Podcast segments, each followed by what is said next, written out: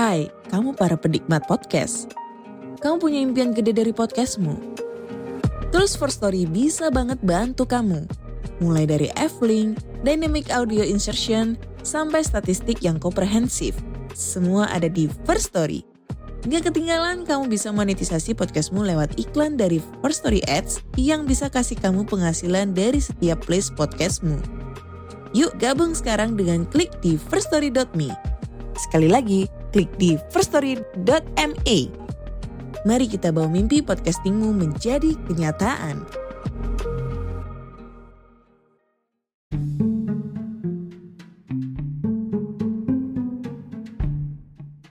Halo, buat kalian yang mau bikin podcast tentang apa pun, kalian bisa coba sebuah hosting podcast yang keren yaitu First Story, F-I-R-S-T-O-R-Y. First Story ini bisa kalian gunakan 100% gratis. Di dalamnya, kalian tinggal upload rekaman podcast kalian, langsung dipublish bisa, atau mau dijadwalkan untuk waktu tertentu juga bisa. Setelah itu, First Story akan mendistribusikan podcast kalian ke Spotify, Apple Podcast, Noise, Google Podcast, dan banyak platform lainnya. Di sini juga tersedia F-Link, semacam link tree yang berisi semua platform podcast dan social media kalian. Selain itu, terdapat First Story Ads untuk memonetisasi podcast kalian dengan cara yang mudah dan sederhana, sehingga kalian bisa mendapat penghasilan juga dari podcast yang kalian buat. Ayo, maksimalkan potensi podcast kalian dengan hosting terbaik untuk podcaster. Daftar di firststory.me, ayo berkarya.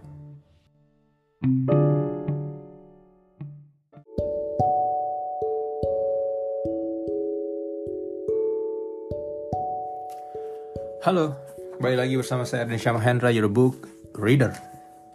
Kali ini saya akan membacakan buku Sejarah Dunia yang Disembunyikan karya Jonathan Black, sebuah buku bestseller internasional. Bab 8, Sping dan Kunci Waktu. Orpheus Daedalus, ilmuwan pertama pekerjaan memecahkan teka-teki Sping. Ketika Jason berangkat naik Argos, yang terbukti bahwa itu adalah kesenangan terakhir dari orang setengah dewa dan para pahlawan, kapalnya berisi banyak tokoh penting zaman itu, termasuk Hercules dan Theseus. Namun, di antara pahlawan-pahlawan luar biasa ini, ada seseorang yang memiliki kekuatan sangat berbeda. Sosok perubahan yang menanti-nantikan kehidupan setelah kepergian orang setengah dewa dan pahlawan itu. Ketika manusia harus menjaga diri mereka sendiri. Orpheus telah mulai perjalanan dari utara dengan membawa musik. Musiknya indah dan mampu memesona manusia dan binatang, juga pohon-pohon, bahkan juga batu untuk bergerak. Dalam pelayaran bersama Jason ini membantu pahlawan-pahlawan itu ketika kekuatan-kekuatan kasar tidak mampu. Menyanyi dan diiringi liranya.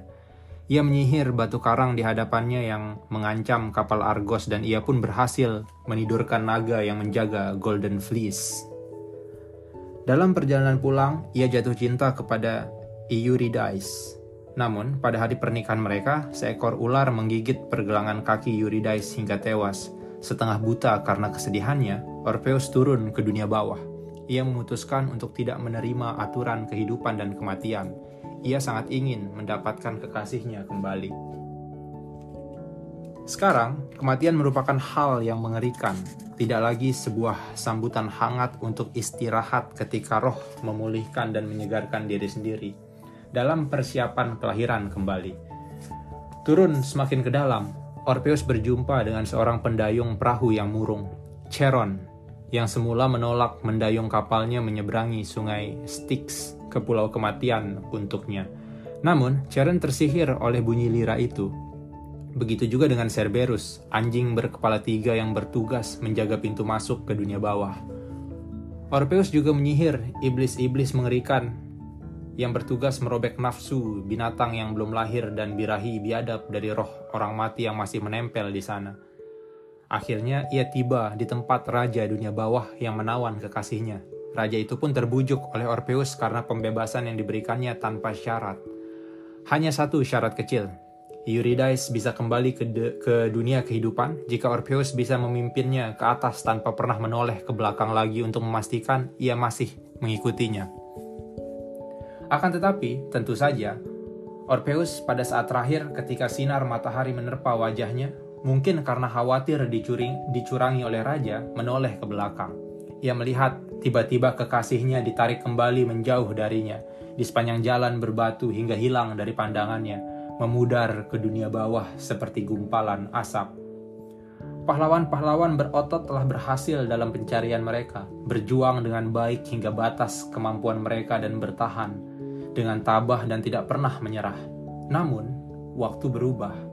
Para anggota yang besar melestarikan kisah-kisah ini agar kita memahami bahwa Orpheus gagal karena ia melakukan apa yang dilakukan setiap pahlawan yang baik. Ia mencoba untuk memastikan.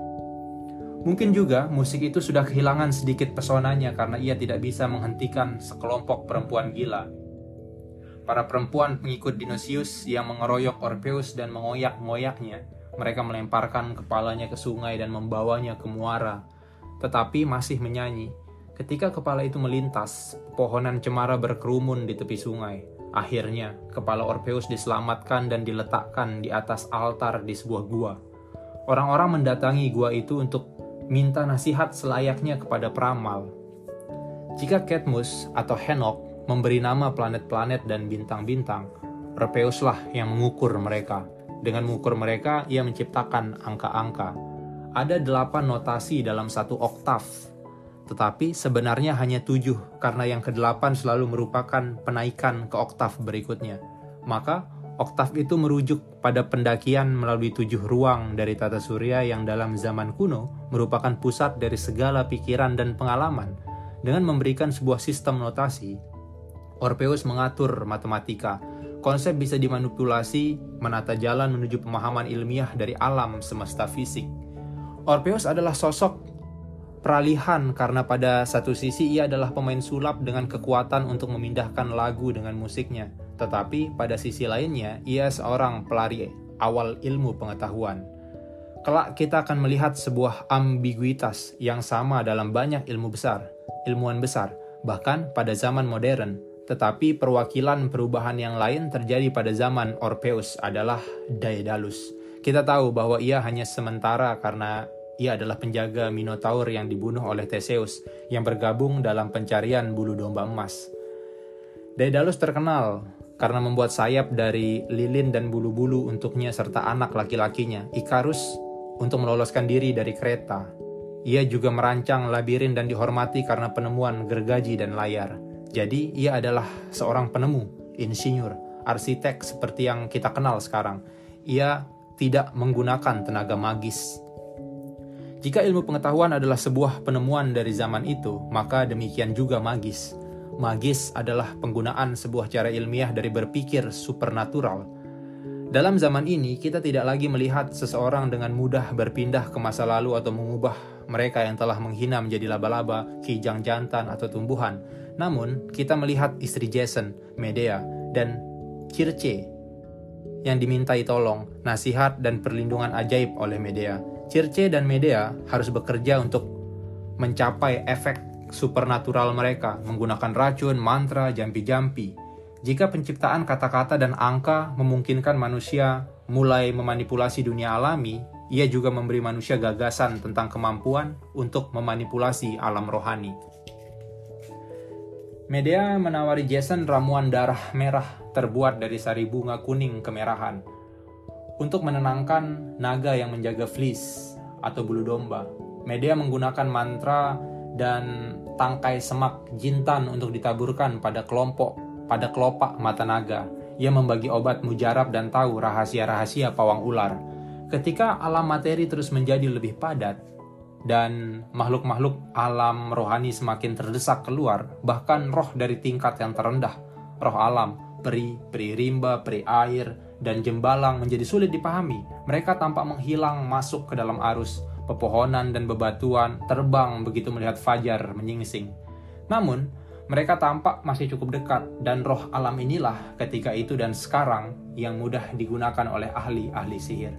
Beberapa orang ahli sihir mencoba membengkokkan dewa besar untuk menuruti kemauan mereka dan menarik mereka turun dari bulan. Mitos tentang manusia serigala, Likaon yang menyebabkan banjir Deucalion, dari banjir Poseidon dari daratan Thracian, menyebabkan Athena memindahkan kotanya ke kota Athena yang sekarang. Dan badai mengerikan yang, mengejar, yang mengejar Medea ke mana pun ia pergi, merupakan penggambaran dari bencana lingkungan disebabkan praktik ilmu hitam. Pada akhir zaman ini manusia menjadi sakti, begitu pula alamnya. Orpheus mungkin saja dianggap gagal karena tidak memenuhi standar pahlawan kuno, tetapi pengaruhnya terhadap sejarah lebih besar dan lebih lama daripada Hercules, Theseus, dan Jason. Musik yang berasal dari Orpheus bisa menjadi salep penyembuh sakit dan roh manusia yang bingung pada milenia itu. Ketika orang-orang menjadi terkucil, tidak hanya dari dewa-dewa, tapi juga dari orang lain. Ketika mereka menderita karena lingkungan yang keras dan buruk, dan ketika hayalan mereka didonai oleh daya magis yang tiada henti dan bengis. Semua ini kini bisa diatasi oleh keindahan pada imajinasi, tidak hanya melalui musik, tetapi juga literatur, lukisan, dan pahatan, citra-citra keindahan yang mengilhami. Kebenaran dan cinta bisa berpengaruh terhadap manusia pada tingkat rendah dari pikiran sadar. Mereka bisa menjadi kuat dibandingkan pengajaran moral, baik yang abstrak maupun gamblang jenis apa pun. Orpheus adalah pendiri mistis dari misteri-misteri Yunani yang akan menerangi dan mengilhami Yunani kuno. Mungkin ekspresi artistik yang paling kuat dari krisis spirit spiritan spiritual pada akhir zaman pahlawan-pahlawan tampak dalam Alkitab. Dalam bentuk tulisan kita memahami kisah Ayub adalah salah satu dari naskah yang berikutnya dari perjanjian lama. Tetapi dalam asal-usulnya kisah itu adalah salah satu bagian dari yang lama Ayub adalah laki-laki yang baik, tetapi ia kehilangan semua uangnya. Anak-anak lelaki dan anak-anak perempuannya meninggal. Ia ditinggal sendirian, sekujur tubuhnya tertutup sampah, sampar dan bisul. Sementara itu, yang jahat menjadi makmur. Kisah Ayub diingat hingga sekarang bukan karena ia pemimpin hebat atau pelaku pekerjaan luar biasa, melainkan karena ia adalah manusia pertama yang pernah memikirkan gagasan sejati yang penting dan dalam kehidupan tidak adil. Hercules adalah kesayangan para dewa, tetapi Ayublah yang berteriak ke langit dengan pembangkangan. Tidak seperti Hercules, Ayub memiliki bahasa untuk melakukannya. Hari ini kita memastikan memiliki cukup mental yang bisa kita kendalikan untuk meraih apa yang akan kita pikirkan. Namun, sebelum penciptaan bahasa yang merupakan keberhasilan besar zaman ini, keluasan seperti itu akan tidak berguna Bahasa memungkinkan kita untuk menjauhkan diri dari dunia. Bahasa membantu kita menarik diri dari apa yang secara fisik ada dan bisa memungkinkan kita menghentikan pengalaman. Apakah itu ada atau tidak? Kita bisa mengaturnya menjadi kepingan-kepingan. Untuk derajat tertentu, kita bisa mengatur pengalaman seperti yang kita kehendaki. Ada unsur yang menjauhkan proses ini, seperti juga keuntungan yang dibawanya. Bahasa menjadikan dunia tempat yang lebih dingin, lebih gelap, dan lebih memperdaya. Bahasa juga membuat kita tidak sehat, hidup kurang bersemangat dan kurang yakin ketika menjelajahi dunia. Jadi, bahasa membawa sebuah bentuk baru dari kesadaran. Sebelum Ayub, orang-orang merasa bahwa segala yang terjadi kepada diri mereka memang sudah ditentukan, bahwa ada tujuan ilahiyah di balik segalanya. Mereka tidak bisa mempertahankan ini. Sekarang bahasa memungkinkan Ayub untuk mundur ia mulai melihat adanya ketidaktetapan, kehidupan ini tidak adil. Akan tetapi, Tuhan menegur Ayub karena hanya mengerti sedikit sekali. Kau ada di mana ketika aku meletakkan dasar bumi? Ketika bintang-bintang pergi bernyanyi bersama dan semua malaikat berseru gembira, apakah kau masuk ke dasar laut atau berjalan ke kedalaman tanpa dasar? Apakah pintu kematian telah terbuka untukmu? Apakah kau tahu di mana matahari tinggal dan di mana asal kegelapan? Bisakah kau mengikat rantai atau melonggarkan ikat pinggang Orion? Apa yang menyelamatkan Ayub adalah ia memiliki perasaan yang kita rasakan juga setelah terbangun dari tidur dengan mimpi indah. Ketika kita berusaha mengembalikan mimpi itu tetapi tidak bisa, ia sadar bahwa jangkauan pengalaman manusia sudah berkurang. Ah, kiranya aku seperti dalam bulan-bulan siang silam, seperti pada hari-hari ketika Allah melindungiku ketika pelitanya bersinar di atas kepalaku. Ayat Ayub 29 2 sampai 4. Ayub mengacu tentu saja pada lentera Osiris. Hari ini kata apokrifa membawa kesan merendahkan tetapi sebenarnya bermakna tersembunyi atau esoteris. Dalam apokrifa Testament of Job ia diberi hadiah karena sadar tentang apa yang tidak diketahuinya dan sadar tentang apa yang telah hilang darinya. Anak-anak lelaki dan anak-anak perempuan Ayub kembali kepadanya. Anak-anak perempuannya mengenakan ikat pinggang emas. Satu ikat pinggang memberi kemampuan Ayub untuk mengerti bahasa malaikat. Yang kedua mengerti rahasia, rahasia penciptaan. Dan yang ketiga bahasa serubim. Musik, matematika, dan bahasa diciptakan pada zaman para pahlawan. Demikian juga astronomi, satu keberhasilan yang disandang Henok lingkaran batu pertama tidak hanya menandai watak dari tingkatan dewa-dewa dan malaikat-malaikat, mereka menandai kedudukan dari bintang-bintang dan planet-planet. Oleh karena itu, dalam sejarah rahasia, hal itu sekarang menjadi mungkin untuk kali pertama memulai memperbaiki hari-hari dan kejadian-kejadian besar. Antara cakar-cakar singa Sping di Giza menatap ke timur, sebuah batu besar bertuliskan prastasti ini adalah tempat yang indah sekali dari kali pertama. Kali pertama atau Zep Tepi adalah frasa misterius yang digunakan orang-orang Mesir untuk mengiaskan pada saat bermulanya waktu. Dalam mitologi orang Mesir, Zep Tepi ditandai oleh munculnya gundakan primordial dari air dan Phoenix bertengger di atasnya. Dan Phoenix bertengger di atasnya. Di dekat sebuah keberhasilan pembangunan yang menakjubkan, yang dimulainya ketika berdiri di antara cakar Sphinx, Robert Buffel telah berhasil menentukan hari Zeptepi. Dalam pengetahuan Mesir, Phoenix selalu datang untuk menandai dimulainya zaman baru. Dalam mitologi Mesir, burung Phoenix atau burung Bennu merupakan simbol lingkaran sotik dari 1460 tahun yang adalah waktu 365 hari kalender orang-orang Mesir untuk menyingkronkan kembali dengan awal lingkaran tahunan, ditandai oleh munculnya Sirius matahari. Sinkronasi kedua lingkaran ini, tahunan dan sotik, terjadi pada 11.451, 10.081, 7.160, 4.241, dan 2781 sebelum Masehi, Bovel langsung melihat bahwa hari-hari ini bertepatan dengan mulainya beberapa proyek pembangunan gedung besar di hilir dan muara Nil. Jelas, awal dari rangkaian lingkaran ini sangat penting bagi orang-orang kuno Mesir. Berusaha mengerti lingkaran mana yang mungkin merupakan yang pertama, Bovel pada awalnya menyimpulkan bahwa yang tepat adalah 10.081 sebelum masehi karena sebuah tradisi esoterislah Sping dibangun pada masa itu atau bahkan sebelumnya. Kemudian Bovel menetapkan pada masa yang lebih awal yaitu 11.451 sebelum masehi. Bima Sakti yang memiliki makna sangat besar dalam budaya kuno di seluruh dunia seperti sungai jiwa terletak tepat di samping sungai Nil sehingga mereka saling memantulkan.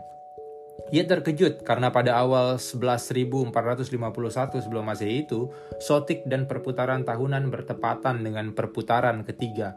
Tahun besar 25.920 tahun lamanya untuk menyempurnakan perputaran zodiak dalam sebuah cara yang paling penuh makna. Karena pada hari itu Sping bertumbuh Singa menatap ke arah timur akan dianggap sebagai terbitnya zaman Leo. Sping itu mewujudkan empat bintang besar dari zodiak, keempat sudut kosmos, Leo, Taurus, Scorpio, dan Aquarius. Keempat elemen yang bekerja sama membuat alam materi. Sping menurut sejarah rahasia adalah sebuah monumen bagi kali pertama keempat elemen itu menetap di tempatnya hingga menghasilkan materi menjadi padat. Ketika dalam Timaeus Plato terkenal menulis tentang word soul atau jiwa dunia, disalib pada word body, uh, jasad dunia. Ia tidak sedang meramalkan penyalipan Kristus, seperti beberapa pembela Kristus juga. Ia hanya mengangankan momen penting itu dalam sejarah dunia seperti yang dibayangkan idealisme ketika kesadaran disusun dalam materi padat. Oleh karena itu, Sping menempati tempat yang sangat khusus dalam sejarah seperti yang dikatakan idealisme. Ia menandai titik itu ketika setelah gelombang di atas gelombang dari penyiaran dari penyinaran dari pikiran kosmis, materi padat seperti yang kita ketahui sekarang ini akhirnya terbentuk. Itulah sebabnya mungkin ia adalah ikon terbesar dari dunia kuno. Hukum-hukum fisika seperti yang kita kenali sekarang, ketika itu hanya tersusun dalam gerakan, dan dari titik itu, pada perjanjian-perjanjian bisa ditetapkan dengan kuat, karena jam besar kosmos akhirnya menyusun dalam pola rumit dari orbitnya.